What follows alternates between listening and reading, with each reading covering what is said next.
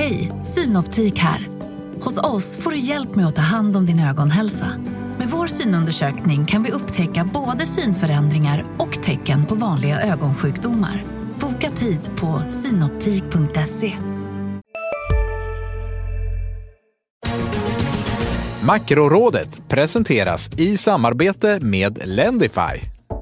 Via Lendify kan du investera i lån till kreditvärdiga låntagare. Ett tillgångslag som tidigare endast varit tillgängligt för banker och stora institutioner. Den genomsnittliga årsavkastningen har de senaste 12 månaderna varit drygt 6% efter kreditförluster och avgifter. Flera finansiella institutioner har redan valt att investera 700 miljoner kronor i lån via Lendifys plattform. Läs mer på lendify.se. Hej och välkomna till Makrorådet, podden där vi tar ett grepp om de stora ekonomiska frågorna med hjälp av två eminenta gäster. Idag är det Annika Winst, chefsekonom på Nordea och Johan Javeus, chefsanalytiker på SEB som gästar oss. Välkomna. Tack så mycket. Tack. Eh, och jag heter Johanna Jansson och kommer de närmaste avsnitten av Makrorådet att hoppa in för upphovsmannen Viktor Munkhammar som eh, har bättre saker för sig. Men förhoppningsvis lyssnar han när vi idag ska prata om Stefan Ingves strategi i nästa lågkonjunktur kanske. Och sen så har ni som vanligt mer två spaningar samt två nedslag i makrokalendern. Men först vill jag att vi pratar om någonting som är absolut uppe på agendan. Donald Trumps planer på tullar och oron för ett handelskrig i världen. Ehm, och eh, vi har ju nyligen sett bilder på Sveriges premiärminister Stefan Löfven från Vita huset och han har varit och pratat med Donald Trump. Och det här beskedet som då kom i början av mars, eller egentligen så pratade han ju om det redan under valrörelsen, Donald Trump, har han nu, vill han nu leverera på. Vad tror ni egentligen om effekterna för Sverige och världsekonomin. Och hur ska man se på det här med, med, ett, med tullar då på det som man säger nu på aluminium och stål framförallt? Ska jag börja? Du får gärna börja ja. Annika. Ja, precis som du sa så började ju Trump eh, prata om det här redan i valrörelsen och vi var ju ganska bekymrade av att världen skulle svara med samma mynt. Men om man tittar på världshandeln så är det snarare så att den har gått upp den senaste tiden så att vi har inte riktigt fått de där effekterna. Och jag har varit ute och pratat om att det är lite lugnare politiskt läge utifrån den aspekten. Det kanske var för tidigt att, att ropa hej. Nu kommer det tillbaks eh, men jag tror att det viktiga är dels hur kommer det påverka USA? För USA importerar ju väldigt mycket och därav de här undantagen som han pratar om. Ska allt vara undantag, eh, då blir det inte så, så stor effekt av det hela. Och sen har han ju också sitt eget parti emot sig, eh, där vi har fått avhopp från ledande rådgivare till, till Trump. Gary Cohn, ja, precis. ekonomiska rådgivaren. Ja. Så, som är en, en person som många i marknaden ändå haft eh, förtroende för och varit en motvikt mot Trump. Och det fick ju lite, har ju fått lite marknadseffekter, eller hur? Dels Cohns av, alltså dels det här med tullarna fick ju marknadseffekter. Vi såg svenska bolag, Sandvik till exempel, föll när Eh, beskedet kommer i början av mars. Men sen också Cones då avhopp. Hur nervös ska man vara? Ja, men jag, jag, tänker att det beror lite på vem han eh, ersätter honom eh, med. Det har betydelse vilken signal och det är inte enskilda personer. Men jag tror att det viktigaste är faktiskt hur resten av världen svarar. Svarar de som de hittills har gjort, det vill säga att man inte eh, sätter upp andra murar och tullar och så vidare. Ja, då kanske det inte är så farligt. Är det så att eh, Kina blir oroade och Europa också och, och svarar med samma mynt, ja då får det större effekter. Vad säger du Johan? Vad tror du om, är det här liksom strategi från Trumps sida? Är det här bara någonting som han ska ha för att kunna förhandla sig till bättre villkor? Annika sa, ska allting bli undantag eller vad ska man mm. tro om det här egentligen? Ja, det är lite tidigt att säga då, men man kan väl säga så här att den optimistiska tolkningen är ju att det här är mycket taktik. Att det handlar om att sätta press på andra länder så att de i sin tur ska göra eftergifter och sen om de gör det så kanske man kan skala tillbaks en del av de här åtgärderna. Då. Eh, men, men det är lite tidigt att, att, att säga hur, det kommer att bli. Jag tycker en sak som man ändå ska ha med i bilden här det är ju att det framstår ju som att Trump är relativt isolerad att driva den här linjen. Även hans eget parti finns det väldigt starkt motstånd mot den här typen av, av åtgärder. Och det tror jag också är någonting som marknaden ändå tar viss tillförsikt i. Mm, det har ju hänt in... förut. Bush genomförde ja. liknande åtgärder. Bush genomförde ja. ståltullar i början på 2000-talet tror jag det var och eh, det har gjorts en del studier kring det här. Vad, vad fick det för effekt och så vidare. Och eh, faktum är att eh, jobbmässigt så blev det minus för USA. Jag tror att man utvärderat det här och någon studie pekar på att man förlorade 200 000 jobb i USA på grund av de här tullarna. Eftersom USA naturligtvis också använder stål eh, i stora delar av sin industri och det är klart att eh, blir den insatsen Ska man dyrare, hoppas på att, eh, att börsen reagerar surt så att han backar då Trump? Eller hur ska man tänka egentligen? Jag tycker det är lite, jag, man ska inte önska sånt som man eh, i efterhand ångrar att man önskar. Va? Men, men det är klart att när man såg Trump på mötet i Davos så stod han nog verkligen till sig äran för den fantastiska börsuppgång som vi har haft. Han är ju hans... känslig för det här, det är ju ja, tydligt. Precis. Han är väldigt känslig för det här och jag tror att eh, hans DNA eh, tror jag verkligen inte talar för att det är en person som ska bedriva en eh, näringslivsfientlig politik och en, en aktiemarknadsfientlig politik. Och skulle kanske... det här bli för stora konventioner och, och, och gå åt helt fel håll så hoppas jag att han, han kommer att byta kurs. Han har, han har ju bytt kurs några gånger tidigare om man säger så. Exakt, och det är väl det som gör att det är svårt att följa honom. Men vi har anledning att komma tillbaka till det här för att du har med dig Johan en spaning som har också med de här handelsfrågorna att göra. Så att vi återkommer till det. Men först hoppar vi tillbaka till Sverige lite. Den svenska Riksbanken har ju verkligen, de har mycket att göra den här veckan. Eh, på, eller första veck, hela veckan i mars. Eh, Stefan Ingves började med ett tal om de långsiktiga förutsättningarna för penningpolitiken. Sen på tisdagen eh, så var det öppen utfrågning i finansutskottet och i slutet av då den här marsveckan så är Riksbanken värd för ett kort seminarium om inflationsmålet. Har det någon framtid? Det är en väldigt stor eh, fråga då. Eh, riktigt så stora frågor tar man ju inte upp i den här riksbanksutredningen som är på gång. Men det gör ändå att de här liksom, sakerna diskuteras. Hur ser ni på det här när det gäller framtiden för penningpolitiken? Vad kan vi hoppas på från Riksbanksutredningen? Och är det så att Stefan Ingves, som han sa i sitt tal här då i måndags, får, får han rätt i att vi går in i nästa lågkonjunktur med inte särskilt mycket med oss annat än just okonventionella åtgärder. Räntan är redan låg och sådär. Hur ska de hantera nästa lågkonjunktur egentligen? Vad säger du Johan? Ja, jag, jag, tycker att man kan hålla med om väldigt mycket av de, de problem som Stefan Ingves tar upp i, i sitt eh, tal eh, här, här, tidigare. Att eh, centralbanker de kämpar i en konstant motvind nu när det gäller att få upp inflationen.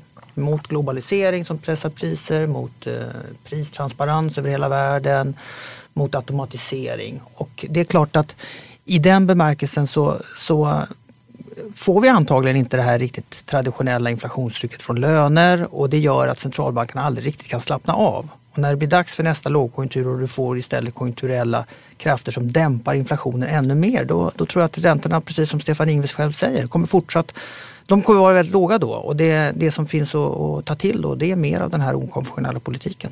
Så mer tillgångsköp, eh, extraordinära lån, vad är det mer man har gjort? Han pratar till och med om valuta, Valutan, absolut. Ja, valutainterventioner. Köpa kommunobligationer eller kommunpapper. Ja, ja. Bostadspapper. Vad säger du Annika, är det någon, samma bild? Ni har ju inte ens, ni tänker er inte i era prognoser väl att Riksbanken hinner höja räntan under 2018. Under 2018. Och då blir det en minispaning. Frågan är om de hinner göra det 2019. Jag tror faktiskt inte det. Vi har, vi har höjningar i vår prognos då, men den hänger löst skulle jag vilja säga. För att? Eh, nej, för att konjunkturen vänder och att eh, vi har pikat och vi är på väg åt andra hållet. Och eh, då blir det helt enkelt för sent. Men jag tänker på den här utredningen som Mats Dillén är ansvarig för så tycker jag att det jag hör är att det är oerhört tydligt att man från den akademiska världen och från eh, andra viktiga institutioner för Riksbanken är supertydlig med att det är ett fokus, 2 inflation till varje pris, kosta vad det kosta vill. Riksbanken hade själva... Alltså inte, de ska inte titta på annat? Nej, annat Leaning against the wind har man lagt bakom sig. Nu alltså att man ska om... försöka styra lite mot att dämpa tillgångspris? Ja, eller så. utan nu handlar det om att man ska nå inflationsmålet på 2 och eh, eh Riks, Riksbanken hade själva ett seminarium i eh, riksdagen för några veckor sedan och då var det verkligen jättetydligt. Alla liksom landade i sparka på bollen och bollen är 2% inflation. Och det har de ju förstås med sig. Sen tycker jag också att det var ju både intressant och märkligt det räntebesked vi fick sist när man sänker inflationen ganska mycket men inte ändrar Prognoserna räntebanan. för inflationen. Ja. Nej. Och då tänker jag att antingen så hoppas de ju att inflationen ska komma tillbaks eller behöver man korrigera räntebanan ner eh, vid nästa möten eller kommande möten. Och när man då läser protokollet och har lyssnat på de tal som har kommit efter så är det ju tydligt att alla i stort sett utom Henry Olsson lite i varierad grad eh, mer tror på att man behöver flytta fram eh, räntehöjningen, alltså sänka, Senarelägga, ja, ja. sänka räntebanan, än att inflationen ska komma tillbaks. Och det talar ju då för det, den det prognosen vi har. vad, vad säger ni om det här? Är det här rätt väg då? Kan vi verkligen gå in i nästa lågkonjunktur och fortfarande ligga på minus? Om det då blir som Nordea tror. SE-banken, ni har en höjning i september tror jag. Men, men, Ja, eller liksom, men i alla fall en väldigt Vi har låg flyttat fram ränta. den också Ja. då, då. Men, men, eh, så vi tror att den kommer i slutet av Ja. året. Men, men, då är vi i alla fall fortfarande på Ja. minus. Och det ja, kanske, absolut. Och det är ju fortsatt, även om det blir en eller två eller tre höjningar, Mm. räntorna kommer att vara superlåga när vi går in Och men är inte det ett problem då? Det är ett jätteproblem, men grunden till det problemet är det här eh, fokuset på inflationsmålet. Och eh, det är där den riktiga diskussionen behövs, tyck- tycker jag i alla fall. Sen så tror inte jag att den kommer att starta i Sverige och jag tror inte att Riksbanken själv kommer att gå i bräschen för någon ny, någon ny målformulering för penningpolitiken utan det måste göras av större centralbanker och framförallt då ECB. Jag tänker också att Riksbanken sitter väldigt tungt i ECBs knä och har valt att sätta sig tungt där. Eh, Det vill säga att de påtalar allt ifrån direktionsledamöter till tjänstemän att eh, det är svårt att avvika för mycket och eh, då blir det ECB säger väldigt viktigt och centralt och därmed så, så är de liksom fast i den där. Sen tycker jag en sak till som är anmärkningsvärd som vi har hört den senaste tiden det är ju att vi har en krona som är väldigt svag. Och eh, hade vi pratat om de här kronnivåerna för fem eller tio år sedan så har alla tyckt det var eh, extrema nivåer. Men då säger fortfarande flera av ledamoterna att kronan får inte stärkas för snabbt på de här nivåerna. Ur ett marknadsperspektiv är det Men verkligen- idag ligger kronan på 10,20 mot Ja. euron. Det är en historiskt väldigt svag nivå. Ja. Så var det under finanskrisen. Och Men det de pratar om är att den inte får stärkas för snabbt. Så ni, ni låter, ni, mellan raderna läser jag att ni är kritiska mot eh, både mot penningpolitiken här på kort sikt kan, och även eh, ramverket på längre sikt. Har jag tolkat det rätt då? Eller är det Mm. att dra det för hårt? Det är absolut, ramverket eh, behöver man ju fundera över. Och fram, men på kort sikt är det svårt för Riksbanken. Men det som jag har försökt eh, påtala gång på gång under en längre tid, det handlar ju om att det är kommunikationen. Om man nu tycker att eh, man måste skapa förtroende för inflationsmålet, vilket jag respekt för, och man är väldigt beroende av omvärlden, då handlar det om hur man kommunicerar. Och jag tror att de hade kunnat kommunicera mer nyanserat och inte behövt vidta lika mycket eller kraftfulla åtgärder. Det finns ju andra centralbanker som redan har börjat höja. En, en, en som Riksbanken ibland tittar på, Bank of Canada, de har höjt tre gånger sedan i eh, sommaren i alla fall. Ehm, Det men- Riksbanken hävdar är ju att Sverige är en liten ekonomi där växelkursen får mycket större effekt än om till exempel Fed, amerikanska centralbanken, gör någonting. Ja, spännande. Vi får Hej, Ulf Kristersson här. På många sätt är det en mörk tid vi lever i. Men nu tar vi ett stort steg för att göra Sverige till en tryggare och säkrare plats. Sverige är nu medlem i Nato. En för alla, alla för en. Har du också valt att bli egen? Då är det viktigt att skaffa en bra företagsförsäkring. Hos oss är alla småföretag stora och inga frågor för små. Swedeas företagsförsäkring är anpassad för mindre företag och täcker även sånt som din hemförsäkring inte täcker. Gå in på swedea.se företag och jämför själv.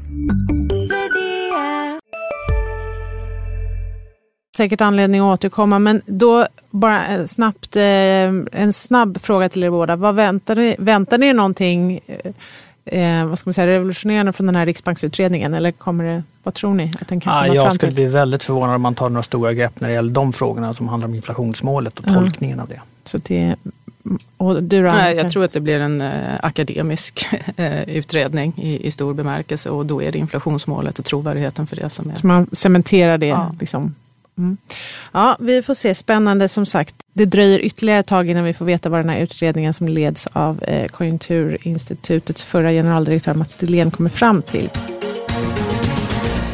Så har vi två spaningar som ni har med er. Eh, vad, ska vi stanna i Sverige med den första då och fråga Annika vad, eh, vad har du spanat på? Mm. Vi släppte en regionalrapport eh, igår och eh, den har rubriken Press på kommunerna och det handlar ju väldigt mycket om den befolkningsstruktur som vi nu har framför oss. Och vi har ju länge pratat om att vi skulle få en utmanande befolkningsstruktur sparat i ladorna för den här och eh, nu är den här. Vi har skjutit fram den men nu är den här. Och, vad är och det är tydligt då? att om man tittar på de som är yngre än 20 och de som är över 75 så ökar den i stort sett i hela Sverige och i snabb takt samtidigt som man på flera håll och kanter har en minskad arbetskraft. Det vill säga Mm. allt färre ska försörja allt fler. Försörjningsbördan ökar. Ja, och, och det ser ju förstås lite olika ut i de olika regionerna och olika kommunerna. Men alla kommuner står inför väldigt stora utmaningar. Nu har vi ett val runt hörnet. Eh, För att klara av det här då så handlar det ju om att få in skattepengar. Jag tror inte att eh, det kommer att vara lösningen att höja skatterna runt om. Och som jag inledde med att säga, så att vi har ju sparat. Det kanske är dags att faktiskt låta statsskulden stabiliseras eller öka lite och använda de resurserna nu när vi är inne i den Till här att pucken. Ja, alltså, till- bygga skolor, skolor eller äldrevård och så vidare. Vi har löner helt enkelt. Konsumera vi har stora, lite. vi har stora behov där, där jag tror att kommunerna behöver hjälp. Eh, de kommer inte att bara via skattehöjningar klara det. Det är också destruktivt om man höjer skatterna för då påverkar man ju arbetsmarknaden eller riskerar att påverka arbetsmarknaden negativt på, på framtiden. Så att, eh, eh det är en sak. Det andra är ju att eh, det vi ser är att inrikesbefolkningen i många regioner minskar medan den eh, utrikesfödda eh, befolkningen, eh, det är ju den som bidrar och som kan bidra och därmed blir ju integrationen också en jätte, jätteviktig fråga. Integration, ökad produktivitet och sen fundera hur man ska... Ni som har tittat på regionerna här, är det någon region som är, sticker ut här? Som har extra mycket problem eller som man... Ja, det är flera kommuner som sticker ut. Uppsala till exempel är en region som har ganska bra eh, försörjningsbörda. Men de har de som, eh, snabbast eh, ökningen av äldre och näst snabbast ökningen av yngre. Så även om de liksom har många i arbetskraften så står de ändå inför väldigt stora utmaningar som, som vi ser det. Det som överraskar lite är att i norra Sverige så är de inte sämst vad gäller eh, äldre, vilket man eh, många gånger har förutfattade meningar om. Utan de har färre av både yngre och äldre så att de, de, det ser inte riktigt lika dåligt ut där. Eller inte riktigt lika stora utmaningar. Sen är det förstås skillnad mellan de som bor i kusten och de som bor inne i, i, i inlandet. Vad säger du Johan? Är, är lite elakt så säger folk ibland så här, det är bara när man skriver om att det går bra i Sverige att det är bara ett storstadsfenomen. Liksom. Ute i landet så och Stefan Ingves pratade, har någon gång sagt att han skulle ha olika räntor för olika delar av, av, av landet. och så här. Hur ser du på det här med regionala utmaningar i Sverige och skattetryck? Och, Jo, men alltså de finns ju och eh, det är ingen skillnad egentligen. Eller skillnad finns naturligtvis, men, men regionala skillnader finns både inom Europa naturligtvis, om man jämför syd och norr och centraleuropa. Och det finns naturligtvis även inom länder. Så att eh, det är, inget, det är inget konstigt och man skulle förvä- nog förvänta sig att det ska vara på det sättet. Sen när det gäller det här med arbetsdeltagande och ökad försörjningsbörda och så vidare. Jag tycker att en sak som är positiv i det här det är ju att vi har haft en stor och väldigt stabil ökning i arbetskraftsdeltagandet nu under relativt många år. Och det får man väl ändå ge viss cred till den förra alliansregeringen för att liksom satt igång den här processen av att få in fler människor i arbetskraften. Och jag tror att inför valet, det är väldigt viktigt då med tanke på de här utmaningarna som vi står inför, att inte rubba på den positiva trenden och, och så gå tillbaks till ett system som vi hade tidigare. men nu, senaste utspelet från eh, Stefan Löfven var ju att eh, eh, han pratade om förmögenhetsskatt. Hur ser du på det då? Är det, liksom, det är, känns ju, är det där man ska dra in pengarna eller? Ja, men det, är ju, det där har ju provats tidigare och kritikerna säger att eh, inför man det så kommer det inte ge några stora summor till statskassan och där är Så jag är nog beredd att helt hålla med faktiskt. För? Mm. Jag tycker det är sorgligt att man bara rycker ut den ena skatten efter den andra. Vi behöver ju prata om ett bredare perspektiv när man ser på skatterna. Mm. Varför har vi skatter? Jo, det har vi för att vi vill ha en välfärd. Mm. Då ska vi ha de skatter som skadar samhället så lite som möjligt men som ger dem inkomster så att vi kan ha den välfärden vi önskar. Mm. Den har- diskussionen nu har, vi inte. Precis, och så kan man använda det som ligger i ladorna också. Mm. Men eh, Johan, du har en spaning som vi har flaggat för redan som handlar eh, om lite annan politik, men internationellt och om handeln. Berätta, vad har du spanat på? Ja, men jag tycker att det är, det är intressant att fundera lite kring globalisering och handel och så vidare. Och det finns ju, tror jag, många som har någon, någon sorts uppfattning om att eh, globalisering och ökad handel är liksom en politisk process som drivs av att man förhandlar fram nya frihandelsavtal eh, i olika delar av världen och sänker tullar och, och så vidare. Men jag tycker det är viktigt att då komma ihåg att globalisering det är någonting som framför allt drivs av tekniska faktorer och teknisk innovation. Och det finns, jag menar, om man tittar på globalisering ända sedan 1800-talet då fick vi ju, det som blev den stora pushen för globalisering då det var ju att vi fick möjlighet till snabbare transporter med både ångfartyg och, och, och järnvägar och dessutom telegrafen. På 1900-talet så, så kom ju då en mycket mer effektiv logistik. Vi, vi fick eh, massa sådana förbättringar som gjorde att det gick att handla på ett helt annat sätt. Och sen då på 2000-talet om man då tar det som internets århundrade eller åtminstone i början av det. Eh, som har gjort det mycket enklare för företag att kunna nå ut i världen med relativt begränsade eh, medel jämfört med hur det var tidigare. Och samtidigt som vi konsumenter, både, både hushåll och företag kan, kan köpa varor från i stort sett vad vi vill i världen idag. Och även artificiell intelligens som kan bli liksom nästa tekniska drivkraft som ytterligare driver den här globaliseringen vidare. Så jag tycker att när man tar det perspektivet och vad det är som är den viktiga drivkraften, den viktigaste drivkraften för globalisering, så är det svårt att se hur en politisk förändringar av, politiska förändringar i tongångarna från Donald Trump eller andra, andra delar av världen kommer att, att bryta den positiva trenden. Mm. Och tittar man på hur globalisering har utvecklats under, under det sista halvseklet så har det finns i stort sett inga perioder där den har gått tillbaka. Utan den har och då tänker du globalisering, liksom att vi blir mer sammanflätade med varandra? Eller? Det handlar om globalisering både i termer av handel, det handlar om finansiell globalisering i och med att vi, vi, vi har finansiella flöden mellan olika delar av världen. Det handlar om, även om eh, politisk, och social och kulturell. Det mm. finns eh, ett eh, ett bra index för, som mäter det här och försöker mäta det här ända sedan 70-talet som görs av av det här Koff-institutet i Schweiz som just visar den här trenden. Att det går uppåt, men det går uppåt med olika hastigheter i olika tidpunkter men, men det, det finns men trenden inga stora tydlig. bakslag. Nej. Så, eh, och då globalisering, då blir det fortsatt prispress, fortsatt ökad handel, fortsatt, eh, fortsatt beroende av varandra. Håller du med Annika? Är det, ja. Överdriver vi oron för vad Donald Trump kan ställa till med när det gäller Nej, men det är klart att det är oroande att eh, USAs president uttrycker sig på det sätt som han gör. Och jag tycker heller inte om det jag ser från Kina där Xi Jinping nu har eh, sett till att han kan sitta livstid. Eh, det finns ju en risk i den sortens system. Men, men jag tror precis som Johan Eh, världen kommer inte acceptera det. Företagen kommer inte acceptera det. Om jag tittar på mina tonårsungar, tre stycken, de har ju liksom spelat med, med barn från eh, resten av världen i många, många år. För dem är det självklart att man kan resa. Eh, och, och jag tror också att de kommer ställa krav. Och unga människor idag kommer ställa krav på hållbarhet och så vidare oavsett vad Trump säger. Att det här kommer drivas av företag och av engagerade människor. Men förstås i olika takt beroende på vem som försöker sätta käppar i hjulet på det.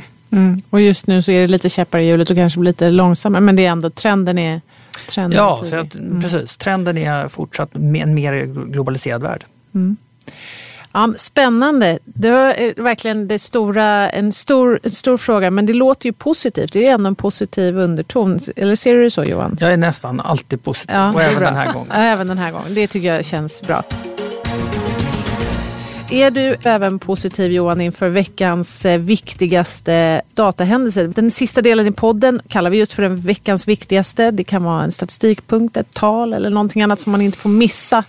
Vad, eh, vad kommer du hålla koll på? Ja, men det är veckan? ju eh, de här arbetsmarknadssiffrorna från USA på fredag och då mm. kanske framför allt den här timlöne ökningssiffran som kom in så högt för förra Så skrämde månaden. marknaden ja, det när blev den kom liksom sist. starten på hela den här inflationsoron som vi hade under, under början av februari. Då, då. Mm. Eh, så spekuleras det mycket om huruvida det var kallt väder som gjorde att de med lite sämre inkomster hade svårare att komma till jobbet. Eller var hemma i influensan. Ja, sådär. Och det får man ju se, så att eh, den siffran blir intressant. 9 mars eh, på eftermiddagen får vi den då. Ja, det blir spännande. Vad tror ni själv? Har ni någon prognos? Kommer det vara samma? Ja, vi tror att det kanske kan bli något lägre än vad, vad som förväntas. Mm. Förväntningar är att det ska ligga kvar på 2,9 tror jag. Just det, 2,9 procent i årlig löneökningstakt var den siffran från januari. Ja, Annika, vad kommer du inte missa den kommande veckan? Eh, Johan har helt rätt. Arbetsmarknadssiffrorna i USA är viktiga och skälet till att de är viktiga är ju för att man är orolig för att det skapas inflation. Så inflationssiffrorna mm. som kommer i USA eh, den 13 eh, mars Precis, är då också efter viktiga. helgen. Ja. ja, och sen dagen efter har vi svenska inflationssiffror och de är ju också viktiga av samma skäl för Riksbanken. Och särskilt så om Riksbanken då reviderade ner inflationssiffrorna eller sin prognos i den senaste eh, penningpolitiska rapporten. Och redan efter så fick de ju lägre utfall. Just så att de fick har, den här viktiga ja, januarisiffran. Precis, Mm. så att nu, det finns ju liksom en risk att de får ytterligare motvind Mm. och det kommer ju förstås vara väldigt viktigt för besluten framöver. Mm. Ja, det blir spännande. Det är fokus på USA, handel och eh, inflationen då. Ja, jag får tacka så hemskt mycket för dessa insikter och eh, önskar er varmt välkomna tillbaka nästa gång ni ska vara med i Makrorådet. Tills dess så kan man också lyssna på DIs andra poddar, Analyspodden som kommer varje fredag, podden Förnuft och känsla och sen då förstås om två veckor Makrorådet igen. Tack! Tack. Tack. Makrorådet från Dagens Industri. Podden klipps av Umami Produktion. Ansvarig utgivare Lotta Edling. Makrorådet presenteras i samarbete med Lendify. Via Lendify kan du investera i lån till kreditvärdiga låntagare. Ett tillgångslag som tidigare endast varit tillgängligt för banker och stora institutioner. Den genomsnittliga årsavkastningen har de senaste 12 månaderna varit drygt 6% efter kreditförluster och avgifter. Flera finansiella institutioner har redan valt att investera 700 miljoner kronor i lån via Lendifys plattform. Läs mer på lendify.se.